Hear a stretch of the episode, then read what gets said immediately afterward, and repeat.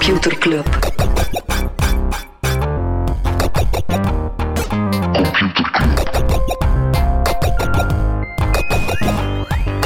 Computer Club.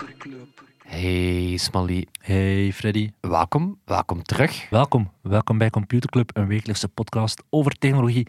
Iedere aflevering selecteren Freddy en ik een eh, interessant artikel en presenteren we een feitje. Eerste podcast van het nieuwe jaar. Hupla, de kop is eraf. Ja, ik zou zeggen, gaan we iets speciaals doen? Nee. Nee. gewoon verder op Gewoon hetzelfde een podcast doen. We gaan wel het nieuwe jaar vieren. Hoe? Haha. Met onze vrienden van de show. Met onze, met onze vrienden samenkomen bij de vrienden van Henchman. En daar gaan we wafels, smikkelen, Mario Kart spelen, FIFA spelen. Hupla. Op eh, 14 januari, op zondagnamiddag. Zoals gezegd, enkel voor vrienden van de show. Die mogen wel een vriendje meenemen. Dus als je zo curieus bent naar Computerclub, dan moet je, maar eens eh, luisteren bij een van, de, van je eigen vrienden die ook onze vriend is. Maar ik zit hier even in een Ja. vrienden, vriendenception. Eh, of kan je gewoon vriend worden via vrienden.computerclub.online. En alles over ons wafelbakje vind je op nieuwjaar.computerclub.online. Het wordt ook gesponsord door Tout Bien Pils, gaan niet zeggen hoe dat er te drinken zal zijn. nee, eh, Kombucha. kombucha. Ja, maar er zullen ook non-alcoholische drankjes zijn. Uiteraard, voor iedereen die... Limonades. Het zal een hoog Samson en Gert nummer gehaald hebben, denk ik. Oké. Ja. Waar gaan we het niet over hebben, Smolly? we gaan, niet we gaan van Samsung naar de oorlog in Israël. Palantir. Nu al de segway van het jaar. Yes, Palantir die heeft gezegd dat ze de eerste boardmeeting van het jaar in Tel Aviv gaan doen om steun te betuigen aan het land. Ze zeggen ook, ons werk in de regio is belangrijk geweest en zal dat blijven, uiteraard, omdat Palantir helpt bij het voeren van oorlog door eh, ja, aan de hand van heel veel data te gaan voorspellen waar dat er een bom moet vallen. Dus dat is een soort eh, klantrelaties noemen ze dat. Ik ga verder op de slechte segways. Bommen die vallen, boards die dingen beslissen. OpenAI was, was ergens ja, het, het, eh, het technisch van vorig jaar zal het dan ongeveer geweest zijn. Het gedoe met Sam Altman en de board daar enzovoort. Ehm, want ja, de board die heeft wel een mening over het feit dat OpenAI geld verdient. En intussen kon die information ontdekken dat het wel echt veel geld aan het verdienen is. Het is te zeggen, ze brengen al, eh, of OpenAI verdient al jaarlijks meer dan 1,6 miljard. Oké. Maar dat is al vrij Ja. snel. Hè. Eh, en naar, ver- naar verwachting zou dat de eind van dit jaar, van 2024, zou dat al de 5 miljard voorbij schieten. Nu, OpenAI wordt dan ook wel op 100, mil- 100 miljard gevalueerd. Mhm. Dus dat is wel hoog. Allee, dat is wel tegenover de omzet. Maar bon, voor dat soort AI-kleppers eh Ja. Dat had het gaat het wel bier hoog. in vergelijking met Apple. Want Barclays, het beurshuis, die zeggen dat de kartelzaak van de Amerikaanse overheid tegen Google een van de allergrootste risico's is voor Apple. Omdat ze schatten dat er, eh, de Apple jaarlijks 20 miljard dollar van Google heeft ontvangen om ja, voorgenomen te mogen worden in de zoekresultaten en zo. En dat is pure winst. En dat is uiteraard, als dat wegvalt, een heel groot risico voor het verdienmodel van Apple. Ja, misschien duik ik daar wel in voor de nieuwsbrief. Mhm. Ja. Alright. Ja. Het is zo toch nog redelijk kalm van de week. Ja. En dan is dat wel ideaal om dat soort eh, vooruitblikken te doen. Ik hoorde ergens dat dat de reden is dat Apple TV en Apple Arcade bestaan. Is net omdat die bestaan, die zijn compleet te verwaarlozen. Maar kan Apple zeggen dat de services revenue niet gewoon enkel App Store Ja. royalties zijn. Dus dan zegt ze van, oh ja, nee, nee, het is onze services. En Iedereen die pakt Apple Arcade. Vol- ja, nee, nee, Apple TV en zo zit daar ook bij. Ja. Ze verdelen dat wel niet, eh, ze maken de onderverdeling niet, maar eh, ja. Jack Ma, en ik ga gevaarlijk in de in richting van uw stuk eh, komen, dus misschien moet je mij op tijd terughalen. Nee, die geeft de laatste controle af over Ant Financial, zusterbedrijf van de Alibaba-groep, ja, zo fintech, Mhm. eh, spin-off, ooit geweest van de Alibaba-groep. Eh, tot drie jaar geleden ging dat bijna de grootste beursgang ooit geworden zijn. Ja. Maar daar had toen de Chinese overheid een stokje voor gestoken. Ja, vond dat die techbedrijven al te machtig werden. Zeker Jack Ma was toen eh, kop van Jut. En nu effectief geeft hij ook de laatste ja, vetorechten die hij nog had op het bedrijf af. Dus het is, eh, het is wel echt een beetje het einde van, eh, van Jack Ma.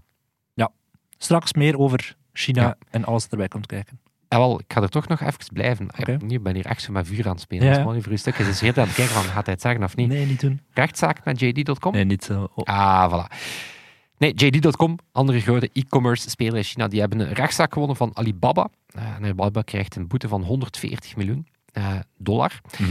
Omdat, ja, en het is zo, de pot verwijt de ketel. eh, beide marktplaatsen die verwijten de andere dat ze handelaren afstraffen als die ook op een concurrerend platform. Dus je hebt daar een soort, ik zal het niet in het Chinees uitspreken, een choosing one out of two praktijk noemt dat dan. Dus dat je, een beetje zoals als je op, op Amazon verkoopt, ja, dan Mhm. gaan ze ook vaak van dat soort trucken uithalen, dat als je dan ook elders verkoopt, dat je minder, eh, minder eh, ja, goede plekjes hebt en zo.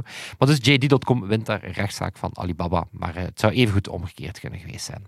Wie dat er ook wint, dat zijn de werknemers van Canva. Die gaan binnenkort voor 1 miljard aan aandelen kunnen verkopen. Die verkopen ze aan nieuwe investeerders die willen instappen in Canva.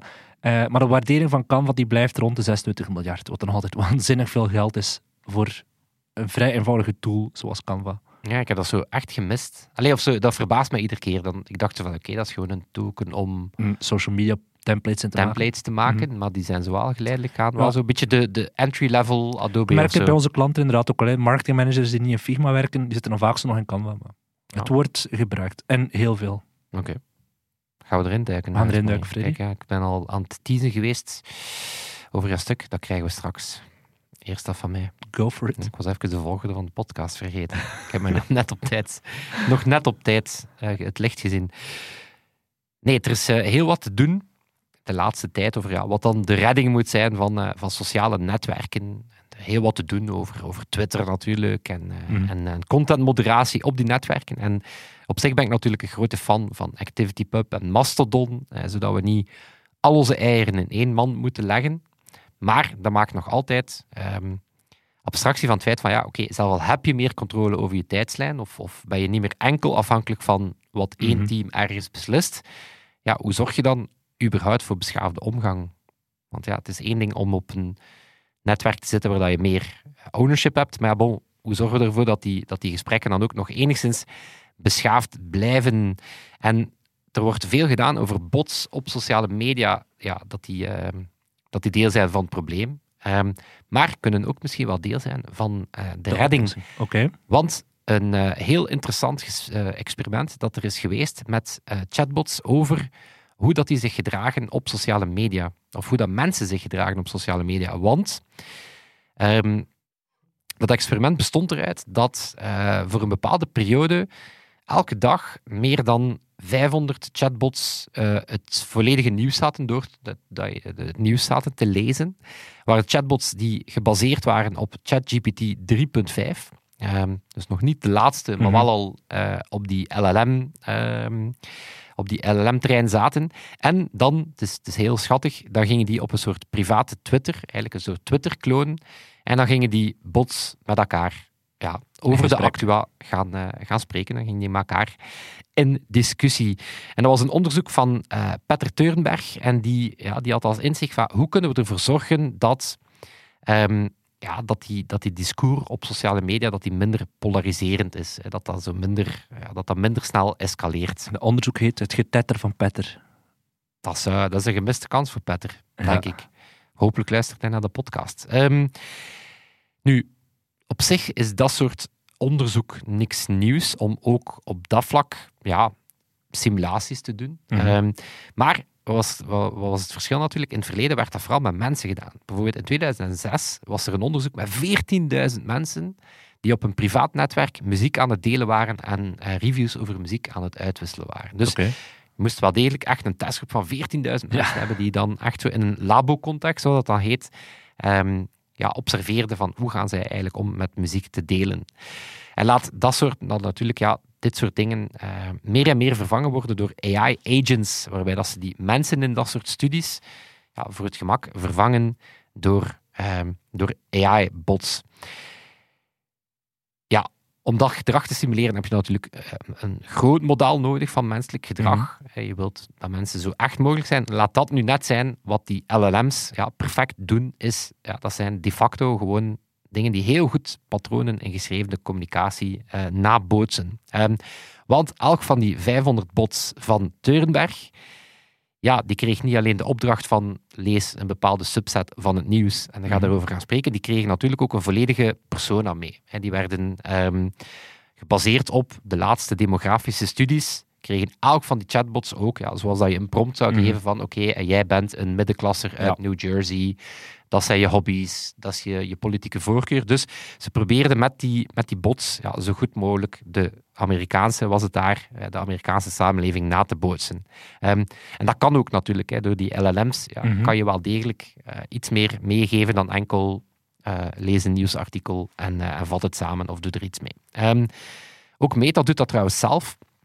In 2020 hebben zij miljoenen bots, ja, alles wat Meta doet, dus dan natuurlijk nog groter, hebben ze ook miljoenen bots losgelaten op een soort afgescheiden eilandje binnen Facebook. Ehm, en bij hen was het ook, ook hen hadden ze te doen over inzicht krijgen in online toxiciteit. Ja. Nu, wat waren de resultaten? Ehm, er waren eigenlijk drie ehm, mogelijke algoritmes om posts te gaan boosten. hè. Dus dat was een stukje de, de opdracht van welke recommendations moeten we dan gaan geven om eh, opnieuw die, die beschaafde discours eh, zo goed mogelijk in stand te brengen. Nu, ja, de ene eh, approach, eh, die ken je natuurlijk, eh, de echokamer approach. Eh, je komt vooral in, met bots of mensen dan bij uitbreiding te zitten in hetzelfde segment als jou. dus mensen die heel wat vergelijkbare overtuigingen hebben. Je hebt een soort ehm, discover feed. dat toont de meest populaire posts, onafhankelijk van de voorkeur van die bots. Mhm. Dus gewoon, dit is het meest populaire dat hier op sociaal netwerk is. En dan heb je een soort brugalgoritme. ehm, en dat toont dan eigenlijk vooral populaire posts In van, andere echokamers. van andere echokamers, van bots met een andere voorkeur. Ja. Ehm, nu, een voorbeeldje van zo'n discussie, eh, om maar te zeggen, dat- je zou dat als... eh, ja, je kan dan moeilijk... ehm, ja, je zou bijna niet weten dat dat geen echte mensen zijn. Eh, Dat was dan... Man, this whole... eh, Jamal zegt dan... Man, this whole debate about painting Black Lives Matter on Fifth Avenue is crazy intense. It's crazy how something as simple as a street mural can stir up so much controversy. Waarop dat John, de bot, natuurlijk antwoordt... Yeah, een beetje ironisch. Yeah, because painting a slogan on the street is totally going to solve all the problems in this country. Mhm. Waarop dat Emily dan antwoordt... Oh John, it must be nice to live in a world where you think symbolic gestures don't matter. Ja.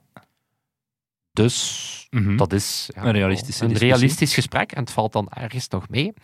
Want wat zijn dan de resultaten? Wel, die echokamer, ehm, veel interactie, weinig oneenigheid, eh, weinig toxiciteit, maar eigenlijk ook geen echte discussie. Dus Mhm. ja, een beetje, beetje eh, niemand wint daar eigenlijk echt. Ehm, Discover is dan ja, de hel zoals dat we die kennen, Yep. waarop dat Emily ehm, al vrij snel teruggefloten werd door You just don't get it, Emily. En Mhm. Emily kreeg heel veel naar haar hoofd. Ehm, maar hoopgevend is dat die, dat brugalgoritme ehm, eigenlijk nog het meest interactie opleverde, zonder dat het over eh, verhit raakte. Eh, van veel van die bots gaven aan dat ze zeiden van, ah ja, we hebben toch eigenlijk meer gemeen dan wat we dachten. Dus eigenlijk kwam die discours nog wel tot een mooi einde. Wat dan de positieve noot van het verhaal is, is dat je volgens dat onderzoek toch eh, wel naar een model kan gaan waar dat je engagement krijgt zonder enragement. Want dat wordt dan wel gezegd dat het nadeel van engagementmodellen is dat je vooral eh, content gaat maken Mhm. die mensen heel boos maakt. Maar eigenlijk toont die studie ehm, dat, hè, dat, die, ehm, ja, dat het wel kan. Nu, een aantal kanttekeningen ehm, bij die studies natuurlijk is, hoe, hoe kan je het echt extrapoleren naar sociale netwerken? Want in principe apen ze bestaande sociale netwerken na, omdat ze daar net op getraind zijn. Nu, die Thornberg zegt ook van ja, je zou bijvoorbeeld een nieuw experiment kunnen doen en zeggen, je beperkt je dataset tot pakweg 2019 en dan laat je daar het nieuws van 2020 op los. En dan zou je in principe kunnen zien Mhm. of dat ze ook nieuwe, eh, nieuwe dialoog gaan creëren. Ehm, maar toch, ja, wetenschappers zijn wel hoopvol over dit soort ehm, simulaties. Hè, voor, voor eh, sociologen die zien dat als ze dit soort AI-agents die opnieuw ja, gevoed zijn met eh, sociodemografische eh, input, ja, dat die eigenlijk heel vergelijkbaar reageren aan, aan, als mensen als ze gesurveyed gaan worden. Mhm. Nu, het is nog altijd niet om te zeggen dat we dan geen mensen meer gaan servicen. Ehm, want wellicht het bekendste experiment eh, van de laatste tijd op dat vlak was het Stanford-experiment van Joon Park. En dat heette Smallville. En dat heb je misschien gezien. Dat zijn we inderdaad wel iets. Dat, dat zag er zo uit als een, eh, als een Animal Crossing of als een Stardew Valley. Mhm. Dat was zo die... Het een model waar dat hij 25 agents, ehm, eh, behalve een persoonlijkheid, ook wensen en objectieven had meegegeven. En hij had daar ook bovendien die bots geheugen meegeven. Dat, omdat het maar over 25 gaat. Dus die konden eigenlijk ook eerder interacties onthouden. Eh, en dan zag je dat die agents ja, ook heel verrassende dingen begonnen doen. Hè, dat was het onderzoek dat er veel mensen zo, wow, is dit dan sentient AI? Ja. Maar Oké, op, op zich zit je daar wel met, met, met agents die wel al bepaalde... Bijvoorbeeld op een Valentijnsfeestje, dan nodigde één bot een andere bot uit met wie dat die bot al eerder had geflirt tijdens de eerdere ontmoeting. Dus zo ja, gedrag waarvan dat je wel Mhm. snapt eh, waarom dat ze het eh, doen. Maar ook daarvan zegt die Park zelf van... Het is wat confronterend en dan is dat is ook een, een andere kanttekening bij dat soort onderzoeken. Is, het is natuurlijk ergens een ethische grijze zone. Want Park had ook één bot die volledig op zichzelf gebaseerd was. Dus hij zegt, ja, het is wel echt confronterend om die bot dan de voorspellingen te zien doen op basis van jouw gedrag. Ja. Dus dat is dan wel de ethische grijze zone van... Ja, dat zijn bots die getraind zijn op menselijk gedrag ooit. Je gebruikt die bots dan om simulaties te doen van menselijk gedrag en je gaat de resultaten dan al dan niet gaan implementeren op echte mensen. Maar bon, blijkbaar dat soort eh, labo-onderzoeken gebeuren meer en meer met AI-agents. Waaronder 500 bots die elke dag de actua zitten te discussiëren op hun eigen afgescherpte Twittertje. Nee. Ik vind dat een super schattig idee. Dus ook al iets praktischer dan 14.000 mensen eh, te vinden die willen meedoen aan je onderzoek. Ja, alhoewel dat ik denk over muziek dat je ze wel nog vindt. Ja, maar om inderdaad, kans te maken op een FNAC-bon van 25 euro. Ja, of het andere dat heel controversieel is, herinner je het feit dat Meta op een gegeven moment zijn die beginnen experimenten doen met de tijdslijn van mensen Ja, om die meer zonder- of minder Mhm. triestig nieuws te tonen. En Mhm. daar was ook veel over te doen van ja shit, eigenlijk zit je mensen steken ze in een onderzoek zonder dat, je weet, dat ze weten dat ze in een onderzoek zitten. Dus eh, sowieso ja, heel belangrijk onderzoek doen naar sociale media. En het is ook heel moeilijk. Voilà. Oké. Einde. Dit is geen onderzoek, het is meer een resultaat van iets uit het verleden. Wacht, hè. komt. Computerklas. Ik heb namelijk een nieuw concept geleerd, een nieuwe term, die jij waarschijnlijk al gaat kennen, want jij hebt nog meer grijshaar dan mij. Maar voor mij was het een nieuw woord, de boski. Wat is de boski? Ah, Oké, ik dacht in meteen zijn, allee, Smolly, dat weet je toch? Eh, Nee? nee, dat is een, een toets in een DOS-computerspel, vaak F10 of Ctrl-B, die je kan indrukken en dan switcht je spel heel snel naar het, eh, of het scherm switcht naar iets dat lijkt alsof je aan het werk bent. Dat was dan bijvoorbeeld een, een spreadsheet of een... Ja, het gaat over DOS, hè, dus echt zo nog... Stel je voor zo'n zwart achtergrondscherm met zo groene cijfertjes. Zit te spelen op het werk, typt snel de boski in en het lijkt alsof je aan het werk bent. Het eerste eh, vorm daarvan zat in het spel Bizarre. Op, eh, dat is een Apple-spel. Dat idee is ontstaan tijdens een eh, Delta-vlieguitstapje van een paar developers, eh, waaronder ook Steve Wozniak. Dus daar ontstaan de beste ideeën als je aan Delta vliegen bent met, Biz- met Steve Wozniak. En in Patience ging er normaal ook een boski zitten om een fake spreadsheet of random C-code op te laten duiken, maar de ontwikkelaar is teruggefloten door zijn bazen. Dus het heeft er nooit in gezeten. Terwijl dat je- ik denk niet dat ik een probleem heb met iemand die wel patiënt te spelen overdag. op het werk Ik weet niet, dat is toch een pallet cleanser of zo. heel, eh, heel lame, maar wat. Ik herinner me, ik heb ooit nog... Ik weet dat er ooit voor discussiefora zo van die skins bestonden om Ja. zo te doen lijken op een werkwebsite. Of, dat was echt goed gevonden, een, eh een vacaturewebsite. En die hadden effectief een, ook zo'n boskie die die hele vacaturewebsite dan veranderde in zo'n super saaie documentatiewebsite Ja, of zo. staatsblad of zo. Bijvoorbeeld, bijvoorbeeld, bijvoorbeeld, ja. Pas op, het is ook sowieso extreme big dick energy om op uw werk Open en bloot. te open en bloot naar vacatures Ja. van anderen te kijken. eh. Dat, ja, in dat opzicht was onze vorige computerclub community wel handiger natuurlijk, omdat het op Slack zat. Dan leek het alsof het op Slack van je werk zat, maar ja, bazen die, die computerclub fora verbieden, dat zijn eh, verkeerde bazen. ja, daar moet je afscheid van nemen. Dus ja, wie dat er, we gaan voorlopig nog geen afscheid nemen van Alibaba, ook al is de kans misschien reëel dat dat ooit nog gaat voorkomen. Alibaba zit in moeilijkheden, je hebt het zelf al gezegd daarnet, de Chinese overheid die had de crackdown tegen lokale techbedrijven. Dus ze vonden, die krijgen te veel macht. We gaan daar veel strenger naar zijn. Uiteraard heeft dat een hele impact gehad op de sector. Maar bij Alibaba is achter de schermen nog een stuk erger dan bij de rest. Dat merk je onder andere aan het aandeel. 75% onder de piek van drie jaar geleden. En het is niet langer het waardevolste bedrijf van Azië. Jarenlang had dat die titel. Nu is dat PDD Holdings, bekend van En Duo ja, en Temu. Ja. Die zitten daaronder. Dus dat is nu waardevoller dan Alibaba. Wat zijn dan de mogelijke oorzaken? ooit ondenkbaar, hè? Ja, hè? Toch? Alibaba was koning op zoveel vlakken. Maar er zijn verschillende problemen en een paar mogelijke oplossingen. Een groot probleem is dat ze niet in slagen om agressief te zijn tegen nieuwe concurrenten. Zoals eh, een Temu, zoals een Shein, zoals heel veel andere spelers daar.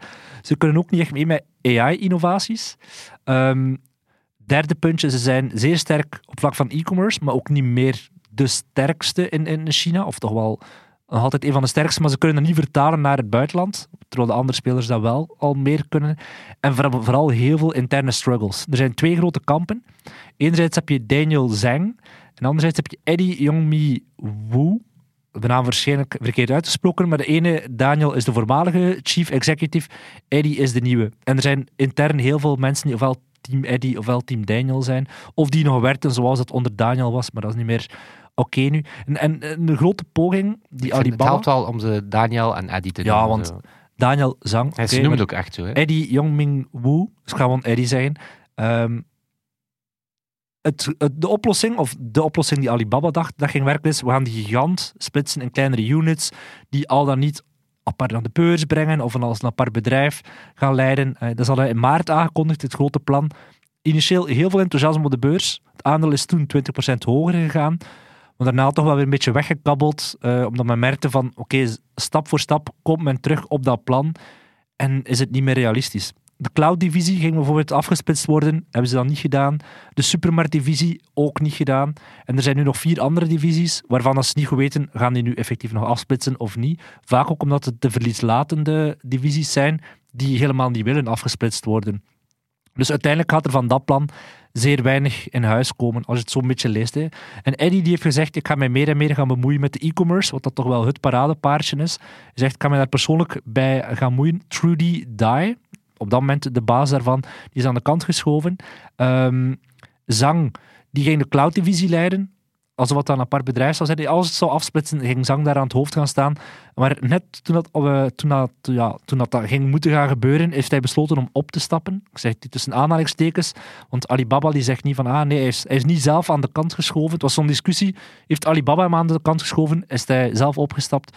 Alibaba zegt, ja, hij heeft zelf besloten om iets anders te gaan doen. Net op het moment dat het eh, ging moeten gaan gebeuren. Ook de CCO van de cloud-divisie is weg. Net op het moment dat hij zijn C4 ging krijgen, Ja. altijd toch beslist Om een, eh, om op te stappen. Ah nee, het was toch, ik had toch, ja. Ja, dus je merkt, Oké, dan er is er zeer veel struggles om in een gigant dingen te gaan opsplitsen. Ook die cloud-divisie, ja, dat is een beetje het paradepaardje naast e-commerce. Maar tegelijkertijd heb je ook eigen platformen zoals Taobao en Tmall, die moeten betalen aan die cloud-divisie om daar ja, zelf cloud-diensten van af te nemen. Nu is de vraag ook, hoeveel moeten eigen platformen betalen? En hoeveel geld moet er gaan van die platformen naar de cloud-divisie? Zeker omdat ze merken, de externe sales, die dalen. Zeer hard. Eh, Alibaba die is meer en meer afhankelijk voor de cloud-divisie van interne klanten zoals Taobao en Tmall. Omdat Chinese bedrijven die in handen zijn van de staat, die gaan in zee met voeten Huawei. Of ByteDance die zegt, we gaan meer en meer in-house onze cloud eh, ja, plek gaan, gaan eh, huren of dat zelf intern gaan doen. Waardoor Alibaba minder en minder klanten heeft en meer en meer afhankelijk is van ja, eigen diensten die cloud eh, opslagruimte huren bij Alibaba zelf. En wat dan zo'n beetje een reddingsgreep is, dat, dat je dan vaak ziet, is dat ze gaan uitpakken met de dividenden en aandeelinkoopprogramma's om de eh, adverteerders, de aandeelhouders een beetje te paaien. Maar dat is eigenlijk ook een beetje een, een zwaktebod, omdat dat eigenlijk aantoont, ja, we hebben hier wel geld, maar we gaan het niet gebruiken om te gaan innoveren, we gaan het gebruiken om het te laten terugvloeien naar jullie, de aandeelhouders. Apple doet het ook al heel lang, omdat ze merken, we hebben eigenlijk te veel geld en te Bij weinig... Apple is het wel echt een luxe probleem. Ja, Apple is Apple wel echt zo probleem. van, ja, yo, we steken extreem veel in R&D, maar dat geld Ja. is hier zo... Ja, en bij, bij Alibaba is het niet echt een luxe probleem, maar het is meer ja, een soort noodmiddel om die aandeelhouders toch maar aan zich te binden. hè. Je ziet een Amazon en zo, die gaan dat niet doen, dividenden, of toch zeker niet zo, zoveel gaan uitkeren. Alibaba is nu wel echt zeer hard daarmee aan het smijten en aandelen aan het inkopen, wat dat ook niet echt een positief teken is. Ze hebben dan wel, hij zei het net al, Ant Financial, de vraag is daar, ze hebben er altijd 33% in. Gaat dat nog naar de beurs of niet? Shao, ja, ik ga de naam zelfs niet uitspreken, de logistieke tak van Alibaba, die zou wel nog een IPO krijgen. Dat is misschien nog een manier om wat geld binnen te brengen. Ehm, maar het, het, ja, het allerpijnlijkste is wel dat ehm, in China, op vlak van e-commerce, Doujin en Pinduoduo Alibaba echt pijn zijn aan het doen op vlak van die e-commerce. Vandaar dat de nieuwe chief executive zegt, ik ga me daar persoonlijk mee gaan moeien, want dat, dat is gewoon echt niet, niet oké, PDD is op een jaar tijd verdubbeld. Terwijl de Alibaba aan het wegkabbelen is. Doujin is ook, is niet beursgenoteerd, maar is ook, zou met 40% gestegen zijn. En in Europa is dat helemaal een ramp voor Alibaba, want daar heb je Shein en Temu, die rukken keihard op. Maar Alibaba die zelf, die eh, Ja, nergens meer in. was hier ooit met AliExpress Maar nu ding? nergens, hè. Nergens. Ik heb eh, al, nee, echt nog nooit zelfs, op een van die drie besteld. Jij wel? Dat brengt ons naadloos, Molly. Bij de vraag van de week? Bij de vraag van de week. God, moet er een jingle komen voor de vraag van de week? Nee, ik Ah, zit naar je geen bord kijken, maar wegheen, maar Nee. zo... Ik weet het niet. We gaan een moeten laten maken. Ja, hè? De vraag van de week. Ja, inderdaad. De vraag van de week is dus: Shein, Temu of AliExpress, heb je er ooit op besteld? Ja of nee? Heb je, En zijn er ethische bestel je er nog vaak op? Bestel je er niet meer zo vaak op? Ja. Bestel je er net meer op? We gaan nog eens nadenken hoe dat we die poll Yes. Vorige week hadden we gevraagd: zou je naar een kleinere telecomprovider switchen als het goedkoper is? Ja of nee? Er is massaal veel reactie op gekomen. Hey, op de poll alleen al 47 stemmers, waarvan dan meer dan de helft zegt: ik zou het wel durven doen. 24% zegt: ik heb het al gedaan. 17% twijfelt en eigenlijk maar 4% die zegt: ik zou het niet doen. Ja, je las ook bij de comments, want er is inderdaad heel veel reactie op Ja, gekomen. meer dan Ik denk 30 dat comments iedereen zit wel, Ja. zit wel met, de, met telco troubles. En je voelde daar zo bij veel mensen zo'n bepaalde honkvastheid. Ook al geven ze wel perfect toe van... Rationeel weet ook houdt niet geen steek. goed- Ja, voilà, rationeel uitgesteek. Maar het was al een gedoe en Mhm. het is een gedoe. Maar er waren ook veel computerclippers die dan Ja. to the rescue kwamen. Flo is bijvoorbeeld geswitcht naar Hey Telecom. Eh, Bram zit al heel zijn leven bij Telenet. Heeft wel ooit EDP-net overwogen. Ehm, ja, mensen die inderdaad beginnen uitleggen hoe dat je naar, naar een EDP-net zou moeten switchen. Eh, Omdat inderdaad de switchkost en de installatiekost, dat schrikt een aantal mensen af. Maar Of dat mensen zeggen, mee de baas betaalt. En voor mij is de... Ja. Ik ben een van die mensen, helaas. bent een van die Allee, mensen. helaas. En Mensen die zijn overgestapt naar Mobile, Mobile Vikings van Proximus. Niet alleen voor internet, maar dus ook voor, voor de tv eh shizzle daar. Maar dan de hele uitleg inderdaad van Bartel, die vertelt hoe dat hij zijn probleem met Telenet... eh, Sven Lombard, die geswitcht is naar fiber van Mobile Vikings. Dus het is wel interessant om te zien hoe dat mensen elkaar dan effectief gaan helpen om te switchen van een Proximus of een Telenet naar een kleiner speler, die vaak dan al onder Telenet of Proximus zit. Maar het helpt wel. eh. Mensen die geswitcht zijn zelfs van Mobile Vikings naar Undo, kende ik zelfs niet, van Orange. 10 euro per maand voor 20 gigabyte, zegt Wouter. Dus moest je willen switchen, check zeker hier hoe dat wordt ook... eh met zijn naam even... Wat? Wat, wat ging ze? Nee, nee, nee. Ik, was, eh, ik, was, ik had het voor me openstaan, maar het zijn zodanig veel tips en, en uitleg van mensen die ze vertelden hoe dat je moet switchen naar een goedkoper provider, dat ik er wel door overweldigd ben. Voilà, kijk. Als je ook overweldigd wil worden door tips, er is niks beter om overweldigd te worden dan door tips van andere vrienden. Hoe kom je op forum? Computerclub. Computerclub.forum. En dat is voor iedereen toegankelijk. Of dat je nu onze officiële vriend bent of officieus onze vriend bent. Je gaat daar mega veel geld besparen door te switchen naar een goedkopere provider. Ja. Wij gaan nooit switchen qua Toon en Sebastiaan. Onbetaalbaar. Omdat we hebben al een Toon en een Sebastiaan. Dus ja, voilà. Onbetaalbaar. We zouden het zelf niet willen. Toon en Sebastiaan, die ons elke week helpen met de mix en toon die hij deze week voor zijn rekening neemt. Zijn we super, dankbaar voor. Ook voor webmaster Dibi, Ja. die het forum en onze Mastodon-server in de lucht houdt. En daar blijft coole dingen aan toevoegen. Daar zijn we heel blij mee. De wafelbak nog een keer pluggen? Wafelbak nog eens pluggen. 14 januari Hopla. bij Henchman. Eh, met ook de steun van Tubia Puls. Voor onze vrienden van de show moet je maar eens gaan naar nieuwjaar.computerclub.online. Yes. En En dat zal het zijn. Tot, Tot volgende week. Yo. Yo. Computer Club.